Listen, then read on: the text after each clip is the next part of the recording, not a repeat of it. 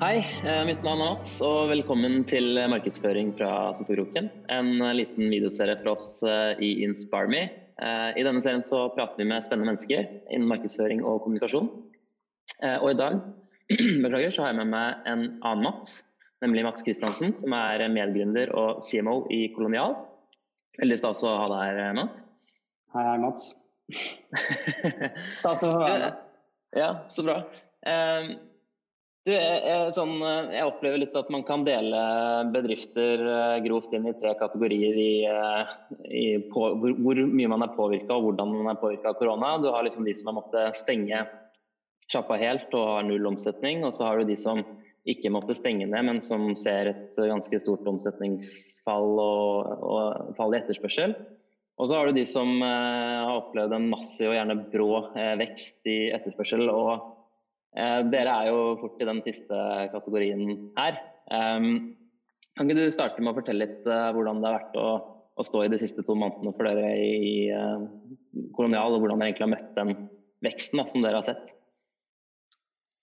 Ja, nei, Vi var på en måte forberedt og samtidig ikke. Vi, faktisk, vi var hele ledergruppen i Berlin. Jeg husker det var en torsdag, vel. Um, og det var på en måte begynt å komme på nyhetene i Norge at uh, nå var det fullstendig uh, kaos i, i Kina, i, i, den provinsen. Og, um, og, vi fikk med oss uh, på, en måte det på nyhetene i Norge, og det ble et slags sånn hamstringsfokus. og da ble det veldig mye fokus i media på dagligvarebutikkene. Så da, da, var vi på telefonen med, med NRK, TV 2 og VG og osv. hele dagen. Og Det vi etter hvert fant ut og skjønte da, var jo at eh, dagligvarebutikkene på nett i Kina eh, de var jo på en måte blitt en slags løsning eh, nå som de, de stengte ned eh, byene. Eh, så vi, vi, så vel egentlig for oss at det kom til å bli, bli tilsvarende tilstander i, i, Norge, og at vi måtte, få, måtte, eh, vi måtte gjøre alt vi kunne da, for, å, for, å, øke kapasiteten. og på en måte stålsette oss litt. Så, så det er det det egentlig har handlet oss, eh, om for oss de siste to-tre månedene. Uh, å øke kapasiteten uh, på en kontrollert måte. Og egentlig der hvor vi har vært veldig opptatt av effektivitet tidligere, så måtte vi liksom la det slippe litt da, for å bare kunne ta unna all etterspørselen. Så kapasitet har vært viktigere enn effektivitet. Har det, har det liksom, du, altså du, som har ansvar for, for markedsføringen, da, har det endra noe på hvordan du uh, jobber og hvordan dere har uh, annonsert i denne perioden, og, og budskap og kommunikasjon? Ja, det var på en måte ikke behov for så veldig mye markedsføring. markedsføring er noe vi stort sett gjør for å få nye kunder, og de nye kundene de kom uh, mer eller mindre av seg selv. Så det skrudde, skrudd av, eller? Vi skrudde egentlig av alt de første dagene. Uh, og så tidoblet egentlig kundeveksten seg. Um, og det var jo ikke sånn at vi hadde mulighet til å ta imot alle kundene vi fikk. Eller vi, vi deler egentlig kunder inn i to, to, faser. på en måte. Det er å lage seg en konto, er jo egentlig ikke å bli en kunde. Um, mm. Men vi tidoblet både liksom særlig da, Det var særlig brukerveksten som økte, og så var det jo det å ta, klare å ta unna disse kundene og, og kunne gi de levering også. Men eh, nei, vi skrudde egentlig av all marketing. Og så eh, la vi på en måte en litt sånn revidert plan. Og, og vi handler jo, Selskapet vårt skal jo på en måte gi kunden lavere skuldre. Eh, og selv om vi ga dagligvarer hjem, eller kunne eh, drive med hjemlevering av mat, så, så, var jo alle i karantene og hadde barn hjemme fra barnehage og skole og sånn. Og det var jo definitivt ikke lave skuldre for noen, eh, kanskje. Så så vi begynte å dreie liksom marketing inn mot eh, hvordan du kunne underholde, liksom få barna i gang med aktiviteter og, og sånt. Da. Så vi, vi, prøvde å ta en litt sånn rolle egentlig ved å engasjere kundene og aktivisere dem eh, i denne nye liksom, tilværelsen. Er det fortsatt der, eller er det liksom, ser dere fortsatt liksom, den veksten? Og, eller har dere måttet skru litt tilbake til å markedsføre for å få eh, kunder igjen? Det som, det som, på en måte skjedde, var jo at vi, vi klarte ganske kjapt å skru opp kapasiteten. Eh, så, så man må nesten se for seg liksom en slags flodbølge med kunder. En slags tsunami. Eh, og hvor vi var utsolgt sånn syv til ti dager fram i tid. Eh, men eh, det var på en måte desperasjon nok i kundemassen til at det, eh, det gikk. Og samtidig på en måte for lav kapasitet. Da. Så du fikk veldig mye mm. sånn spillover da, til neste dag. Mm. og etter påskeveld så begynte det å, å, roe seg litt ned. Og vi hadde jo da lansert et nytt produkt som het ferdigpakket. Så det var liksom mange effekter som jobbet med å få opp kapasiteten, og samtidig så roet på en måte kaoset seg litt, eh, eller eh, panikken. da. Mm. Så nå er vi mer der at vi, vi har fortsatt en del kapasitet å gå på, og vi har bygget opp kapasiteten så mye at vi nå kan levere dagen etter. Ja. Men vi har ikke sett noe behov for å uh, markedsføre noe særlig akkurat i det siste. Fordi vi er fortsatt ganske nærme makskapasitet. Og, um, og har heller et ønske om å på en måte aktivisere de vi har fått. da. Har vært så måte hyggelig å, å få. Fordi mm. Det som på en måte har skjedd, er jo at vi har blitt dyttet noen år frem i, i tid her nå i forhold til hva som var planen. Ja. Så Det er klart, det er mange kunder vi har fått de siste månedene som kanskje egentlig ikke hadde planer om å handle mat på nett, men som mm. nå har fått prøvd og sett at det er jo faktisk ganske deilig, mm. uavhengig av korona. Og Sånn sett så er jo vår jobb nå som selskap å prøve å, å gi de mest mulig verdi, da, og få de til å skjønne at det her er fornuftig uten korona. Mm. Ja, for, for hva, hva, er det dere egentlig forventer og ser for dere kommer til å skje når, når den nye normalen kommer, da, så hva enn det blir? Eh, er det ja. Eh, ja, Kommer dere til å klare å holde på, på denne nye bølgen av, av kunder, tror du? Eller hva, hvordan kommer det til å se ut? Ja, det er jo, Den som kunne si det, hadde jo fått veldig mye penger. opp å si, eller Det hadde vært helt fantastisk hvis noen kunne fortelle oss hvordan, hvordan, høsten blir. Vi er i en sånn budsjettprosess nå. Vi har prøvd å legge, legge, et slags revidert budsjett for de neste to årene. og Det er jo det er mer eller mindre umulig. Da. Det er en del faktorer mm. som, som, man ikke kontrollerer, og flere faktorer enn, en til vanlig. Det er jo utgangspunktet vanskelig å legge et, et budsjett, så, og det er ikke noe lettere nå. Men uh, jeg tror det som skjer nå, er at man får en voldsom fart på liksom digitalisering eh, på kryss og tvers av alle bransjer. Eh, jeg tror netthandel generelt kommer til å øke kraftig de neste årene. Eh, både fordi kundene har eh, på en måte fått litt smaken på det, kanskje ytterligere. Da. Eh, men en kanskje enda større grunn er jo at det er masse selskaper nå som faktisk blir gode på digitalisering. Der hvor på en måte Eh, salg digitalt har vært litt sånn derre eh, venstrehåndsarbeid, eller eh, den andre kanalen, hvor liksom fysisk retail har primært vært slik man har operert, så blir det kanskje et skifte der til at flere og flere selskaper nå går over til netthandel primært. Og det er klart at Jo bedre produkt man skaper til sluttbruker, jo, jo mer sannsynlig er det også at sluttbruker adopterer den, det produktet.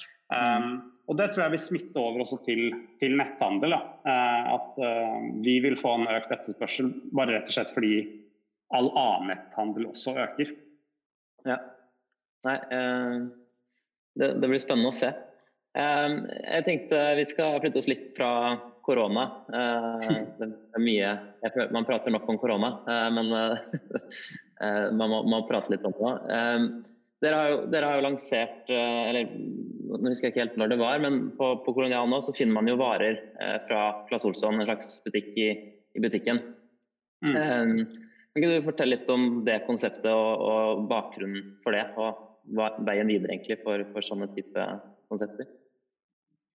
Ja, altså Før Claes Olsson så begynte vi å utforske litt andre måte, nærliggende vertikaler til dagligvarer. Eh, produkter vi ser for oss at kunden kunne ønske seg å få på en måte i samme handlekurv da, med en eller annen eh, litt høy frekvens. fordi vi er jo hos våre faste kunder er vi jo ukentlig eller flere ganger i uken. Og da er det jo en del andre produkter eller det er en del produkter som ligger veldig nært dagligvare, da, som kan være relevant å få hjem. Så vi begynte f.eks. å se på blomster. Eh, mm. Og gjorde et samarbeid der med, med noen som, som, kunne gi oss måte, et godt utvalg med, med ferske blomster. Og det så vi med en gang at ble veldig veldig populært. Mm. Og blomster er jo for så vidt i en del dagligvarer også en, en, vesentlig kategori. Og så begynte vi med, med dyremat, eh, for det er veldig mange som har dyr. Eh, enten katt eller hund eller hva det måtte være. Og det var også en, der var det også mye kundeverdi å kunne på en måte få det fra ett og samme sted. Da. Eh, og så begynte vi å snakke med Claes Olsson, det er vel nå omtrent eh, et år siden, da. Eh, hvor, hvor vi ble enige om at vi skulle gjøre et samarbeid og ta inn bestselgerne til Claes Olsson for å se om vi kunne få opp liksom, frekvensen på de varene og se om det var noe kundene våre ønsket. Da. Eh, og det har vært en, en kjempesuksess. Uh, jeg tror ikke det tok uh, mer enn en uke før omtrent 10 eh, Eller at Klasse Olsen representerte 10% av handlekurven. Um, så, så, det betyr jo at kundene våre skjønte umiddelbart på en måte nytten, og det er veldig komplementerende utvalg. Det er liksom en stekespade hvis du trenger det, eller det er vaffeljern til vaffelrøren, eller det er liksom ting til husholdningen, da, og selvfølgelig ja. De mest populære varene deres som er liksom batterier og, og lyspærer og sånt. Ja. Så det, det, har vært et veldig spennende samarbeid, og det er vel det første samarbeidet vi, hvor vi har også tydelig gjort liksom co-branding. Ja. Uh, I hvert fall i det siste. Vi hadde jo vi startet jo egentlig Kolonial NM med å lansere sammen, eh, sammen med Rema 1000. Uh, og det er klart det som, en, som, et oppstartsselskap å kunne låne litt troverdighet og litt liksom, brandverdier fra sånne selskaper som Rema og Claes Olsson er utrolig bra. da, Fordi det, det er det vi, det vi må jobbe med, er jo å bygge opp troverdighet med at vi er en seriøs aktør og at du kan stole på oss og sånne ting. Og når du blir da endorsed da, av merkevarer som Claes Olsson, som er liksom et 100 år gammelt selskap med, med topp service og kvalitet, så, så, bygger det noe inn i vår merkevare. Da, og bygger kanskje en tillit til oss som vi ville brukt lang tid på å etablere ellers. Mm. Så, så det, det, er som, det, er veldig veldig mange bra effekter da, av, av, den type samarbeid som vi har gjort med Claes Olsson. Ja, det er ikke unna til å tro at dere kanskje kommer til å gjøre flere sånne samarbeid framover? Nei, nei jeg, tror, jeg, tror, jo at veldig mange andre retailere også tenker at vi har et attraktivt produkt ved at vi er hos kunden ofte. Uh, ja. Så jeg tror det er uh, et samarbeid som på en måte kan være bra i begge retninger. Det er bra for oss som selskap og for våre kunder, men det er også bra for kundene til da, de samarbeidspartnerne vi eventuelt uh, velger å jobbe med. Mm. Så er vi i en situasjon nå hvor det er veldig mange henvendelser, så det skal ikke se bort ifra at det blir flere sånne samarbeid. Ja. Spennende. Kan, hvordan er det dere, altså med Claes Olsson nå, da, hvordan er det dere samarbeider på marketingbiten av det her? Er det noe samarbeid, eller er det mer at man gjør det på hver sin front uten å koordinere så veldig mye? Nei, det er, en, det er, et samarbeid. Eh, jeg tror ikke det hadde funket så bra hvis man bare hadde blitt enige om at vi skal gjøre det litt på hver vår tur, liksom. Eh, mm. Så vi, vi utarbeidet på en måte en slags kommunikasjonsstrategi da, og et visuelt konsept for hvordan Claes Olsson pluss Kolonial Honno skulle, skulle eh, liksom være. og det ble fort uh, dingser og blingser, um, fordi det var liksom disse komplementærene var det, det komplementærne vareutvalget. Så um, det, ble, det, ble, på en måte et visuelt landskap hvor vi kunne jobbe i og ganske raskt dra ut nye, uh, nye retninger. Og og så ble vi enige om på en, måte, en kampanjeplan hvor vi skulle ha noen bølger da, hvor det liksom sesongmessig passet å snakke om Claes Olsson. Og da, da, går vi begge ut og, og snakker om, om, det felles, på en måte. Og det, ja. det vi har vel hatt et par sånne bølger nå, og det har gitt et, en bra boost i, i omsetning på de Claes Olsson-varene, og bra synlighet på samarbeid. Ja. Kult. Du, eh, hvis, vi, hvis, vi, går eh, litt videre igjen, så har jo du vært med på en helt eventyrlig Eh, vekst og reise med kolonial. Fra eh, null, null, i omsetning til eh, Jeg vet ikke hvor mye dere endte opp med i fjor, men jeg vil tro dere kanskje passerte milliarden. Kan ikke, altså, det, er, det er mange selskaper der ute, oss inkludert, som, som prøver å gå opp en sånn reise. Kan ikke du fortelle litt om hvordan det har vært altså, Hvordan fokus har endra seg over tid, hvordan man har strukturert seg. Hva var, hva var fokus i tidlig fase, hva er fokus i dag? Og, og dra oss litt gjennom den reisen. Mm. Ja, eh, hva skal jeg si. Eh, det, er jo, det har gått syv år. Eh, fra null eh, kroner i omsetning, som du sier, til da kryssa milliarden. Eh, fra ti gründere eh, nede på et bitte lite kontor på Grünerløkka til nå, nå har vi vel 600 ansatte etter koronaboosten. Eh. Eh, og det er jo på en måte nesten ikke til å kjenne igjen eh, selskapet. og det er litt vanskelig å på en måte si veldig sånn bastant dette var de fem stegene vi trengte å ta for å, for å komme dit vi er i dag. Det har jo vært ganske rotete å komme til det. Det er ganske rotete. Det har vært kontinuerlig prøving og feiling. Men jeg tror det er, det er nøkkelen. Da. Det er prøving og feiling. Eh, å ha et mindset hvor du ikke er en besserwisser og vet eh, nødvendigvis eh, hva løsningen skal være. Vi lanserte jo eh, egentlig ideen til Kolonial nå var jo ikke drive med hjemlevering, men å ha hentepunkt. Men jeg tror ikke det tok tre dager engang før vi satt i bilen til eh, Carl, en gammel Mercedes, og, og kjørte dagligvarer hjem på, i Oslo. Fordi vi skjønte at uh, det hentepunktet vi hadde åpna på Fornebu, det er jo ikke så veldig bra beliggenhet for de som bor på, på Nordstrand. Uh, så da måtte vi jo begynne å kjøre varene hjem til folk. Og, og sakte, men sikkert så, så økte vi hjemleveringen, og, og det, var, det, ble liksom den, den måten vi drev, drev på, da. Mm. Uh, men fra liksom et marketingperspektiv så prøvde jeg å reflektere litt på det før, før du ringte opp. at uh, vi, vi, var jo et veldig komplett team. Vi var et veldig stort gründerteam. Vi var ti stykker.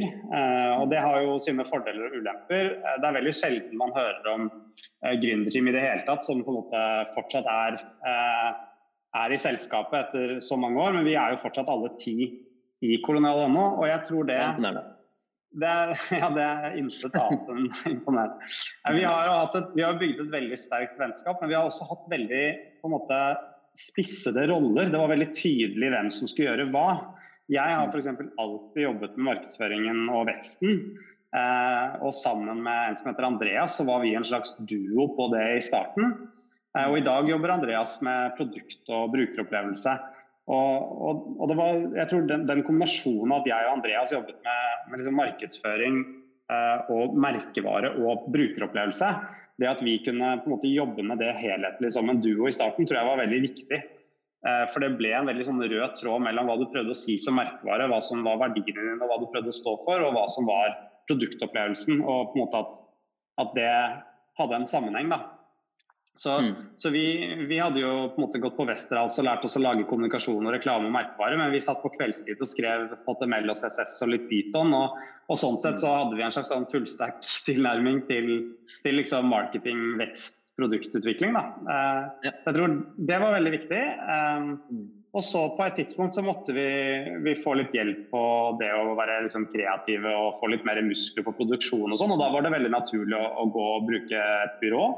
Og da hadde vi hentet våre første runder med investorpenger og liksom sett at vi hadde product market fit. Vi hadde et ganske dårlig produkt, men fortsatt ganske høy kundevekst. Mm. Så vi, vi, skjønte at måte eh, hvis, hvis, vi får så mye kunder nå på det produktet her, så er det bare å kjøre på. Eh, både med produktutvikling og, og markedsføring. Mm. Så egentlig etter at vi gikk inn i det samarbeidet med Rema 1000 og de liksom to årene etter der, så hadde vi jo en helt vanvittig vekst fra liksom mm. ja, da et par millioner eh, i uka til, eh, til 15-20 millioner i uka liksom, i, i, omsetning. Da. Eh, mm. Og du, økte liksom en million i uka på et tidspunkt. Mm. Og en operasjon som bare løp etter å ansatte alle de fant, sånn, for å ta unna etterspørselen. Men, men så, hvordan, hvordan, drev dere den veksten? Og så var det, vil du si at det var liksom merkevaremarkedsføring? Altså at man var liksom, gikk ut bredt, eller var det veldig fokusert konverteringsdrevet? Altså, jeg skjønner at det sannsynligvis var en kombinasjon, men hva var liksom den viktigste driveren for den veksten? Ja, nei, jeg tror faktisk uh, Mange snakker jo altså, Man bør nok ikke bli for opptatt av konverteringsoptimalisering i starten. Uh, hvis man skal på en måte shoot for the stars. Jeg tror man må vite at man har, et, man har liksom en god product market fit. Man har et produkt som ikke lekker som en sil. Uh, og man har en liksom fornuftig acquisition-kost som ikke er liksom avskrekkende. Hvor du ser at i løpet av noen måneder eller noen år så tjener jeg tilbake disse pengene jeg bruker på å skaffe den kunden. Og når vi på en måte hadde fått sjekket av disse tingene, da var det egentlig bare å kjøre på. Og da var det, da, det var jo da vi ringte Anorak, eh, reklamebyrået vi har brukt helt siden starten. Og, mm. og, nesten hver måned hadde jo vi en ny kampanje på med og engasjerende og morsom liksom, kommunikasjon. Og jeg tror, jeg tror, den synligheten der, da, den drev oss uh, til den omsetningen vi etter hvert fikk. Og så tror jeg man skal, man skal, ikke undervurdere det vi fikk til i, i PR-sammenheng heller. Vi, vi, var jo veldig mm. opptatt av å posisjonere oss som utfordrer. Uh, og det var på en måte uh, viktig både i markedskommunikasjon, men i media også. Hvordan vi snakket om de store gigantene, hvordan vi sparket oppover, var utfordrer det er også engasjerende kommunikasjon. Da. Så jeg tror vi fikk, ja. vi fikk, vi fikk god fart pga. det. Og nå er vi mer i en situasjon hvor Eh, hvor liksom optimalisering i funnelen er jo ekstremt viktig. da. Eh, mm. Så nå har vi kanskje tonet ned litt den der reklamekampanjeveksten. Og, og mm. jobber mer i måte stabile sykluser og med produktutvikling og, og vekst parallelt. da. Så det var mye, så fokuset til å begynne med, eller i hvert fall med en gang man hadde penger til å gjøre det, var liksom mm. merkevarebygging og, og bygge posisjonen og være, bygge kjennskapen. Og så, og så, er man nå i en fase hvor den, den, er såpass høy at fokuset blir med på, på, ja, på optimaliseringen og på, på konverteringssiden. Jeg igjen antar dere har fokusert på konvertering hele veien, men som du sier at uh, det hjelper ikke å konvertere hvis du ikke trekker folk eh, inn? Ja, Det må komme noen inn i, inn i funnelen din. Så mm. jeg, jeg, tror man må liksom på et eller annet tidspunkt, hvis man skal være en, en Vi er jo et produkt som kan treffe veldig bredt. da, uh, så Det er jo mm. forskjellen fra noe som er veldig nisjete. men men du, uansett da, nisje eller bredt, du, du, må få høy synlighet du må ha høy kjennskap i, i liksom din målgruppe. Eh, mm. Så for oss så, så, så vi at liksom vi lå på 17% kjennskap i, blant kundene våre, mens eh, tradisjonell dagligvare er jo på 99 ikke sant? Alle vet jo hva mm. Joker og Rema og Kiwi er. Så vi skjønte at vi må bare komme oss fra 15% kjennskap til 80% kjennskap, og det må vi bruke så kort tid som mulig på. Og mm. da er eh, presse og engasjerende reklamekampanjer ganske effektivt. Mm. Ja. Og, og, men hvis du hva, altså Før man har penger til å altså PR-sporet det er noe man kan gå opp uh, for så mm, vidt uh, uten de største budsjettene, selv om det for, for, mange kan være greit å få hjelp der også. Uh, men, mm. men, hvordan altså, Før dere hadde de store pengene å, å, å kjøre på med, hva, hva liksom, hvordan markedsførte dere da? Og hva var, var fokuset også? Altså, Brukte dere da de pengene dere hadde eventuelt på, på å prøve å bygge noe kjennskap, eller det, ble det da mer et performance-drevet spor på, på digital marketing på Facebook og Google osv.? Mm. Uh, ja, nei, Vi drev jo litt performance marketing og sånn i starten når vi hadde veldig mye mindre budsjetter. Men nei, jeg tror i starten når vi ikke hadde noe penger, så var uh, på en måte medieoppmerksomhet det vi, det vi jobbet for. Vi jobbet for å komme inn på, på God morgen Norge, liksom. Det var målet. eh, eller få, få, forsiden på Aftenposten. Hvor, hvor, store ord må vi liksom Hva må vi si for å få, få oppmerksomhet, da. Men altså, jeg har stått i et parkeringshus på, på Fornebu og delt ut boller klokken sju om morgenen også. Eh, så man på en måte man eksperimenterte og gjorde mye forskjellig. Jeg, jeg, tror det aller aller viktigste det er å se at du har på en måte denne product market fit, at du forstår at vi har kunder som, som på en måte eh, ser verdien i produktet vårt. De har en mm. organisk vekst som er ganske høy. Du ser at måte, det er et tilfang av kunder uten at du gjør altfor mye. Og da mm. handler det nesten mer om å ta den suksessen, gå til noen investorer og si se her, det kommer kunder, de er sticky, mm. eh, de elsker produktet. Kan vi være så snill å prøve å få litt mer fart i den funden ved å ved å finne deres, eller uh, få noen penger. på en måte. Uh, så, så, jeg tror man, skal, man må jo vite når man skaper verdi, og så må man prøve å utnytte det da, på best mulig måte og, og mest mulig effektivt. Uh, mm. Så jeg, jeg, tror ikke vi hadde vært der vi, vi, er i dag hvis vi ikke hadde gjort noen bikst på, en måte, på, på markedsføring. Mm. Ja, interessant. Du, vi skal, vi skal straks runde av. Siste, siste, jeg lurer på, uh, som, uh, før, vi, før, vi, runder av, er uh, hva er det viktigste du, du, føler du har lært gjennom de siste to månedene og det vi har gått gjennom med kall det i hvert fall starten av korona, en ny koronatid? det viktigste jeg har lært jeg, jeg sitter i hvert fall igjen med et inntrykk at det at vi har bygget en organisasjon som er så forberedt på en måte på å kunne ta og håndtere situasjoner som oppstår, det tror jeg er kjempeviktig å ta med seg fremover når vi skal vokse og bli et enda større selskap. Eh, mm. Det at vi, vi snakket ikke så mye om dette ferdigpakket produktet som vi lanserte under, under korona, men, men, det skjedde basically på 48 timer. At vi satte opp et nytt lager, lagde en Shopify eh, eh liksom storefront som var integrert med distribusjonsløsningen vår. Mm. Det er helt utrolig at vi med, Vi begynner å bli et relativt stort selskap, da. men det, var, det, det, å få opp et kjerneteam der, bruke Slack og Quip og alle disse liksom, verktøyene man kan bruke, gjorde at vi på 48 timer basically startet en, et nytt selskap med liksom mm. helt egen, eget team og egen operasjon, og som vi fikk volum eh, fort på. da, så det å være liksom agil, det, det, er fortsatt veldig viktig, selv om hypen kanskje har lagt seg eh, rundt det mm. ordet. Men eh. Man vet jo aldri hva som skjer, ikke sant. Så det, prøv å fortsatt være en organisasjon som kan snu seg fort. Ja. Og for de som ser på, hvis dere vil lese et veldig godt case på gjennomføringsevne, så vet dere i Kolonial har skrevet og lagt ut det på, på Medium. Så hvis dere søker opp uh, Kolonial på Medium, så ligger det et godt case der som beskriver hvordan ferdigpakket ble lansert på 48 timer. Så det det stemmer. Og nå, nå, har vi også lagt med ferdigpakket. For det. Eh, heldigvis da, så merket vi jo at kundene våre, nei, kundene våre er mer glad i å plukke de produktene de selv vil ha, enn at vi skal plukke de ut for dem. Så det er jo fantastisk. Mm. Det, det, er igjen et bevis på at eh, en fullsortiments dagligvarebutikk er, eh, er bra på eh, Det har stor verdi. Ja. Du, eh, tusen takk for praten, Mats. Det var veldig, veldig interessant å, å høre. Så eh, bare hyggelig. ha det godt. Ha en fin dag videre.